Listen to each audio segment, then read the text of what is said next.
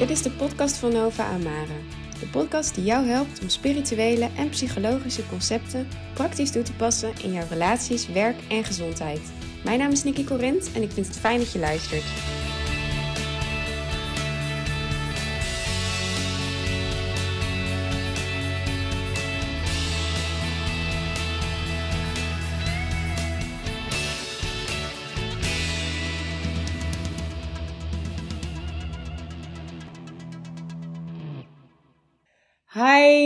Hi, hi, lieve luisteraar. Als je hiermee stopt, neemt jouw leven gegarandeerd een hele positieve wending. Ga jij het aan? Zo heet deze podcast. En ik ben super enthousiast erover. We zijn bijna aan het einde van het jaar. Kerstdagen komen eraan.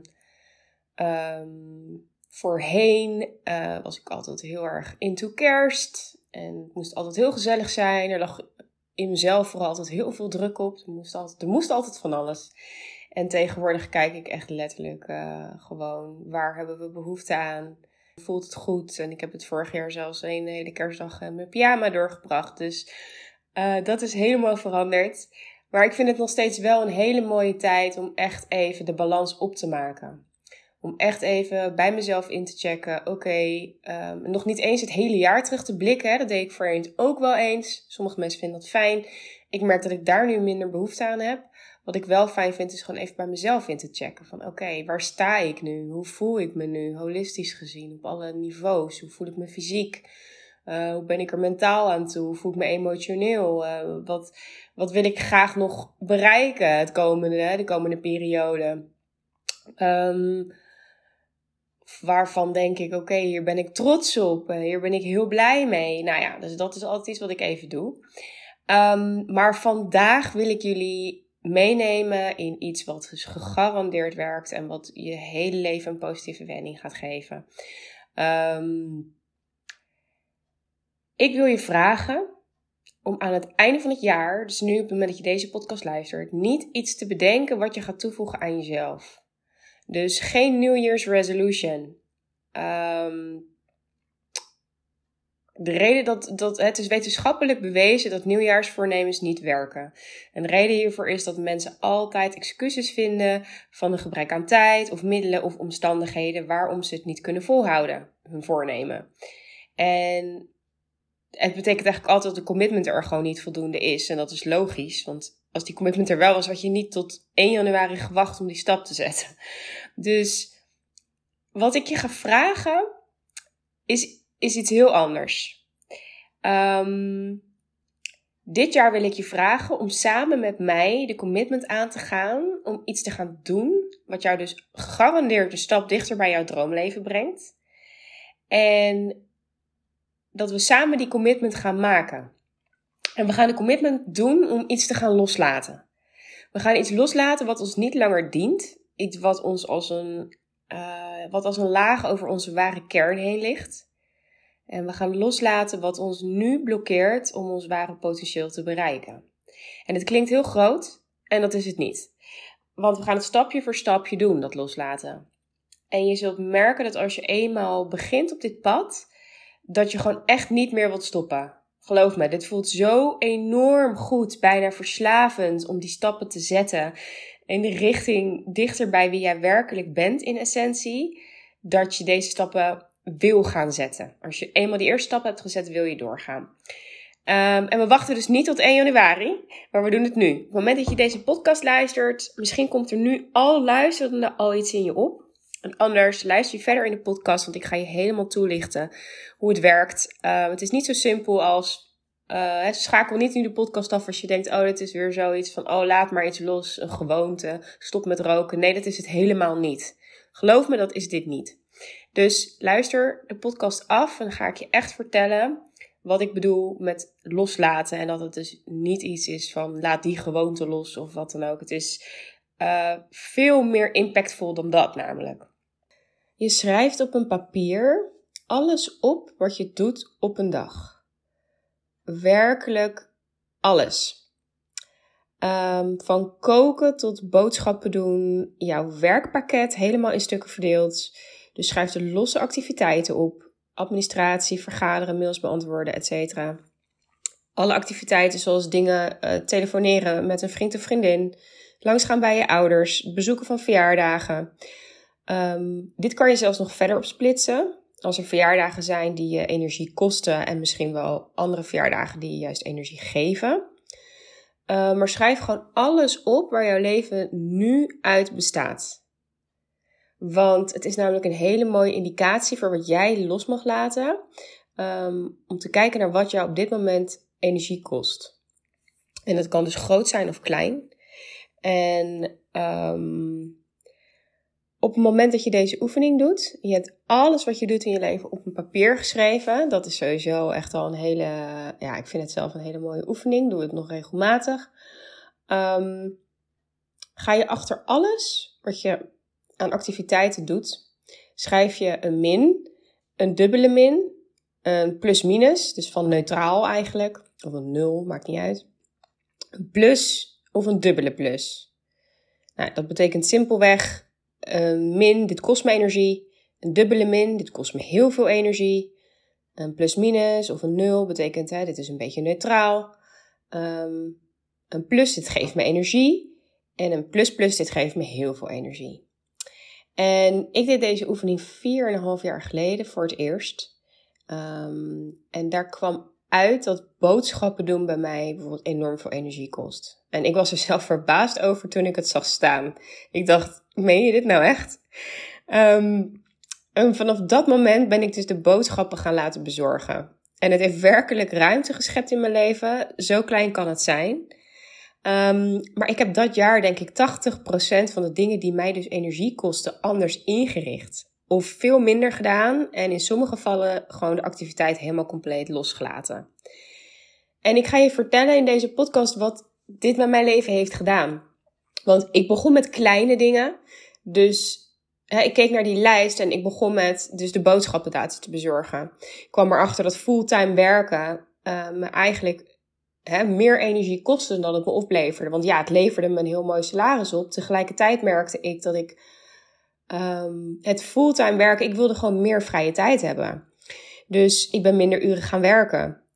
Um, sociale events en bepaalde verjaardagen bleken me echt enorm veel energie te kosten. En ik wist altijd wel een beetje dat het zo was, omdat ik me soms echt een week van tevoren al druk kon maken daarover. ik dacht, pff, Alleen nu ik het zo voor me op papier zag, werd het, werd het heel, heel duidelijk. Dus ik dacht, oké. Dus ik ben begonnen met die sociale events en, en die, die dingen te gaan annuleren waar echt die dubbele min bij stond voor mezelf. En later dus ook waar een enkele min bij stond. En um, als vanzelf kwamen toen dus ook de grotere dingen aan bod. En, en dat liep gewoon op die manier. Dus een twintig jaar lange vriendschap die eigenlijk al jaren aan het verwateren was. En die we elke keer opnieuw nieuw leven probeerden in te blazen. Omdat we het gewoon allebei zo zonde vonden. We dachten allebei van, dit, dit ga je niet stoppen. Je gaat niet een twintig jaar lang zo'n hechte vriendschap. We hebben heel veel aan elkaar gehad. We zijn echt nou we hebben elkaar in een periode zelfs bijna zussen genoemd. Zo close waren we. Dat ga je niet zomaar stoppen. Dus we hebben jarenlang echt alles gedaan om daar weer nieuwe energie in te blazen. Om allerlei verschillende manieren weer te bedenken. Om toch weer in alignment met elkaar te komen. Maar het, het was inmiddels gewoon echt heel duidelijk geworden. Dat als we bij elkaar waren, het was oké. maar we hadden gewoon echt bijna niks meer gemeen. En we waren eigenlijk elkaar alleen maar aan het bijpraten over. dit heb ik meegemaakt, dit heb jij meegemaakt. Oké. Um, het gaf in ieder geval geen energie meer. En dat was van beide kanten. En um, ja, uiteindelijk um, hebben, we, hebben we die vriendschap toen definitief en heel liefdevol gestopt eigenlijk. En hebben, zijn we echt het gesprek aangegaan. En hebben we echt tegen elkaar gezegd van oké, weet je, we merken gewoon allebei, het resoneert momenteel even niet. Laten we dan stoppen. Laten we onszelf stoppen met forceren om het wel te laten werken. En Um, weet je, laten we het open laten. En mochten we in de toekomst, we hebben tegen elkaar gezegd, je kan altijd op me bouwen als er echt iets is, ben ik er voor je. Maar laten we kijken of er in de toekomst misschien een moment komt dat het wel weer resoneert. Maar laten we voor nu het gewoon laten. En, en stoppen met hè, onze energie op deze manier um, erin te steken, wat, er, wat gewoon niet meer eruit komt. En um, in diezelfde periode stopte ik ook met yogales. Want ik ruim, nou, ik heb ruim tien jaar lang met heel veel plezier op yogales gezeten. Ik heb allerlei soorten yoga gedaan. In begin deed ik drie keer per week. Op een gegeven moment, toen ik student was, op een gegeven moment uh, twee keer per week. En later altijd één keer per week. Uh, maar ik merkte dus al een tijd dat het gewoon een gewoonte was geworden. En um, ik vond me er altijd wel oké bij, wel fijn bij. Maar toen ik dus op het papier zag, keek ik, zag ik dat yoga een plus-minus had. Dat was een neutraal. En toen dacht ik, dat is wel interessant, want ik doe dus een sport. Um, ja, eigenlijk met het, ja, dat weet je, met het, wel met de intentie dat het me hè, een goed gevoel geeft, wat het me altijd wel heeft gegeven. Maar als ik eerlijk naar mezelf ben en ik kijk, nu zie ik dat het me gewoon al een tijd niet meer, echt een hele tijd al niet meer dat gevoel geeft. Het is gewoon neutraal. Ik doe het. Het is eigenlijk helemaal op routine. Um, ja. En ik ben gewoon gestopt met die yogales. En ik dacht, oké, weet je, ik, um, ik stop gewoon. En ik had nog helemaal geen andere sport in gedachten of iets. Ja, ik had wel dingen. Ik dacht, oh, tennis lijkt me leuk, dit lijkt me leuk. Maar ik had niet de intentie om gelijk iets nieuws te gaan doen. Maar ik dacht wel, oké, ik ga hiermee stoppen. Want ja, weet je, het, het geeft me dus niet meer de energie die ik, die ik wel hoop dat het me geeft. Um, uiteindelijk, toen ik was gestopt, ben ik wel uh, doorgegaan met dus um, yoga thuis doen. En dan in kortere sessies en, en vooral online, dus of via YouTube. En later met corona via de app Inside Timer. Um, live yogalessen waren dat vanuit uh, met docenten die de, over heel de wereld. En dat gaf me dus wel weer heel veel hernieuwde energie. Ik voelde weer energie in mijn yogalessen die ik al jaren niet had gevoeld. Maar ik kon het op mijn eigen tijd op mijn eigen plek, in mijn huis. Um, ik deed het soort type yoga waar ik zin in had. Dus dat was in dat geval gewoon voor mij elke keer wat anders. Um, en het was ook niet meer vast aan, het moet een uur zijn. Soms deed ik het een uur, soms doe ik het een half uur, soms doe ik het tien minuten. Soms heb ik last van mijn onderrug en dan doe ik alleen bepaalde oefeningen. En dit, geeft, dit gaf me toen, en ik doe dit nog steeds op deze manier, um, de meeste energie. Um, en hoe, terwijl ik rustig al deze dingen aan het loslaten was, en dit is in een periode denk ik geweest van, nou ja, ik denk uh, een half jaar of zo. Ietsje korter, vijf maanden, dat ik alle stukje voor stukje dingetjes ben gaan loslaten. En ik kreeg op een gegeven moment voelt het gewoon echt fijn. Want je voelt gewoon bij alles wat je loslaat, voel je, hé, hey, dit klopt. Want er ontstaat een ruimte, er ontstaat letterlijk ruimte. En we snappen mentaal, snappen we natuurlijk van, oké, als je een uur yogales um, opzegt, dan ontstaat er een uur tijd in je agenda. Het is niet eens zo simpel als dat, het is ook energetisch. Er staat ontstaat energetisch ook ruimte voor wat nieuws. Want als jij vast zit in een bepaalde routine. Ik ga naar yogales, want dat is nou eenmaal wat ik doe. En dat past bij mij. En oké, dat doe ik op die manier. Dan is het ook moeilijk om te zien of te voelen: oké, er, is, er is daadwerkelijk ruimte voor wat anders. En energetisch ontstond er letterlijk ruimte toen ik dus al deze dingen veranderde of stopte. Uiteindelijk kwamen er echt grote dingen aan bod um, de dingen die ik deed, omdat ik het eigenlijk diep van binnen gewoon heel eng vond om het niet te doen. Dus de dingen die niet eens in mijn bewustzijn zaten. En zaken die ik als het ware verdoofde. En dat waren dus niet dingen die op het papier stonden. Dus dingen die op het papier stonden had ik inmiddels, nou ja, na vijf maanden ongeveer um, afgewerkt. En sommige dingen waren hele leuke dingen voor in de plaats gekomen. En andere dingen was niks voor in de plaats gekomen. En dat voelde allemaal helemaal oké. Um, en als vanzelf eigenlijk, um, toen dat op dat papier klaar was, kwamen er dingen, gedachten in mijn hoofd op. En de gedachten die in mijn hoofd opkwamen waren eigenlijk van. Um, ja, weet je, ik, ik, ik laat me het voorbeeld noemen. Laat me een voorbeeld noemen, dat is duidelijker, denk ik. Um, verdoven doen we bijna allemaal. En het kan heel letterlijk, hè, met drugs of alcohol uh, of medicatie. Uh, maar je kan ook jezelf verdoven door bijvoorbeeld heel veel tv te kijken. Uh, weet je, echt gewoon elke avond binge je uren achter elkaar. Ik ken heel veel mensen die dat doen. Um, dat is heel uh, geaccepteerd in onze, gemeente, uh, in onze gemeenschap is het heel normaal als jij tegen je vrienden zegt: joh, ik heb uh, drie dagen lang achter elkaar drie, uur, drie vier uur, vijf uur gebingewatcht, heel de avond. Dan is dat Zegt iedereen, oh top, welke serie heb je gekeken? En ook als je dat bewijzen van zes avonden in de week doet, is dat, vinden mensen dat ook niet gek. Dus deze manier van verdoven is heel erg geaccepteerd. Tegelijkertijd is het wel echt degelijk een manier van verdoven. Um, net als het altijd zit op je telefoon. Um, excessief sporten. Dus heel veel sporten. Meerdere, weet je, vijf, zes keer per week, vier keer per week. Um, ik ga je zo uitleggen waar de, waar de grens ligt. Um, veel slapen bijvoorbeeld, gamen, uh, koffie drinken, heel veel werken, altijd op pad zijn. Er zijn allerlei manieren waarop we onszelf verdoven. En um, nou ja, we drinken bijvoorbeeld dan koffie om vermoeidheid weg te drukken, om ons direct alert en wakker te voelen. En die vermoeidheid dan niet te hoeven voelen.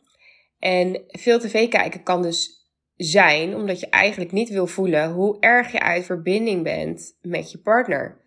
Of hoe vervelend je het eigenlijk vindt om alleen te zijn als je alleen woont. dat heb ik ook gedaan toen ik net op me, alleen woonde in, in mijn huis. Ik ging ineens heel vaak tv kijken. Um, waar ik voorheen bijna nooit tv keek. Uh, of heel af en toe uh, samen een, serie of een film samen op de bank. Maar ja, meestal deed ik andere dingen liep ik buiten een rondje, sprak ik af met vriendinnen, las ik een boek, uh, zat ik in bad, deed ik yoga of, um, of een andere sport.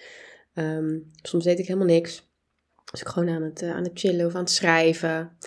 En ja, toen ik, op me, toen ik zeg maar alleen ging wonen, ging ik in één keer iedere dag, iedere avond tv kijken. En um, ja, weet je, dat is dus wat er op een gegeven moment in mij naar boven kwam. Van Nicky, waarom doe je dat eigenlijk? Want het, het voelde niet fijn, hè? Als ik zo'n hele avond tv had gekeken, dan lag ik in mijn bed. En ik voelde me niet fijn. Ik voelde me, ik, ik weet niet eens hoe het voelde. Het voelde gewoon een beetje, het voelde onrustig. Dus eigenlijk was het heel gek, hè? want je kijkt tv eigenlijk voor, om te kalmeren. Maar ik voelde me juist onrustig erdoor. Veel onrustiger dan dat ik een avond een boek lees en uh, een half uur yoga en in bad lig. Of dat ik een vriendin bel en een rondje buiten om, uh, om de plas loop of iets. Ik voelde me juist heel onrustig. En ik had ook echt het gevoel van wat, wat ben ik aan het doen? Wat heb ik nou gedaan met mijn avond? Dat, het voelde voor mij ook heel erg nutteloos. En het gekke is, je kan denken, ja, een boek lezen is ook nutteloos of een rondje lopen. Maar dat gevoel had ik dus niet. Voor mij voelde het altijd als ik buiten een rondje liep van, van een uur fiets in de avond. Of een yoga oefening deed of wat dan ook. Dan voelde ik me voldaan. En kalm en voldaan. En, en naar tv kijken voelde, voelde ik me niet, voelde ik me niet voldaan. En um, dat, dat gevoel werd steeds, werd steeds groter in mij. Dus ik ging mezelf eens afvragen, waarom doe ik dat eigenlijk? Waarom kijk ik eigenlijk elke avond tegenwoordig ineens tv? En um, ja, het, het antwoord is, is inderdaad gewoon, ik, ik, ik vond het gewoon heel vervelend om alleen te zijn. Ik vond het gewoon, terwijl ik, toen ik um, in een relatie, toen ik getrouwd was, was ik ook vaak alleen. Op de een of andere manier, toen ik alleen woonde, voelde het ineens heel alleen. Dus dat gevoel wat ik had, wilde ik gewoon niet uh, voelen. En dus ging ik heel veel tv kijken. En ik ging ook heel veel mediteren. Hè, om, om naar, je kan ook heel veel gaan mediteren om naar die plek te gaan waar het altijd fijn en kalm is. Uh, zodat je je vervelende emoties niet hoeft te voelen. En sommige mensen gaan dus computeren, gamen. Um, omdat ze gewoon niet willen dat het stil wordt. Omdat dan die onrust naar boven kan komen. Um, ik heb ook mm, vrienden die elke dag moeten sporten. En die zeggen, ja, ik doe dat echt om me te verbeteren en fitter te voelen. Maar als zij dus een dag niet sporten, voelen zij zich helemaal ellendig. En um, goed, de reden dat we dus niet stoppen met dit soort dingen is omdat we dus die plek, het ongemak, de onrust en in sommige gevallen dus zelfs het afkicken, um, de onzekerheid, dat we het doodeng vinden om daarheen te gaan. Dus blijven het doen. Ook al merken we dus dat het ons verdooft en voelen we ons er niet helemaal goed bij en vervult het ons niet. We accepteren het gewoon. En misschien rijst nu bij jou de vraag van, oké, wanneer is het gezond en, en prima onschuldig vermaak dan? Uh, als ik een keer een, film uh, kijk op Netflix. En wanneer, um, wanneer is het dan een manier om te verdoven? En het antwoord is eigenlijk heel simpel. Ehm, je kan jezelf de vraag stellen: heb ik dit nodig om mezelf goed te voelen? Heb ik dit nodig om mezelf rustig te voelen? Heb ik dit nodig om goed te functioneren of een relatie goed te laten functioneren? Eh, of nog makkelijker, voel ik een onrust opkomen op het moment dat ik het niet kan doen. En dan wordt vaak heel snel duidelijk welke manieren jij hebt gekozen, vaak onbewust, om te verdoven. En voor mij betekenen dat een aantal dingen. Um, ik ging dus bewust kiezen om bij mijn ongemak te blijven. Dus ik merkte bijvoorbeeld dat ik vaak actie begon te ondernemen als ik me alleen voelde. En als mijn zoontje bij zijn vader was en ik zat alleen in mijn grote huis, dan ging ik mensen bellen, afspreken, Netflixen, um, eindeloos boeken lezen, heel veel mediteren. En ook hiervan merkte ik dus op een gegeven moment dat het een vlucht was. Um, een vlucht om mijn gevoel niet te voelen. Het, eenzaamheid soms en ook het falen wat ik voelde na mijn scheiding. Um, en ik bleef al die dingen wel doen. Um, maar het voelde eigenlijk echt als een noodzaak. Het voelde echt als een noodzaak. Als ik het niet doe, dan voelde ik me onrustig worden en dan ging ik snel wat anders doen. En um, juist als ik nu voelde dat iets een noodzaak was, deed ik het dus niet.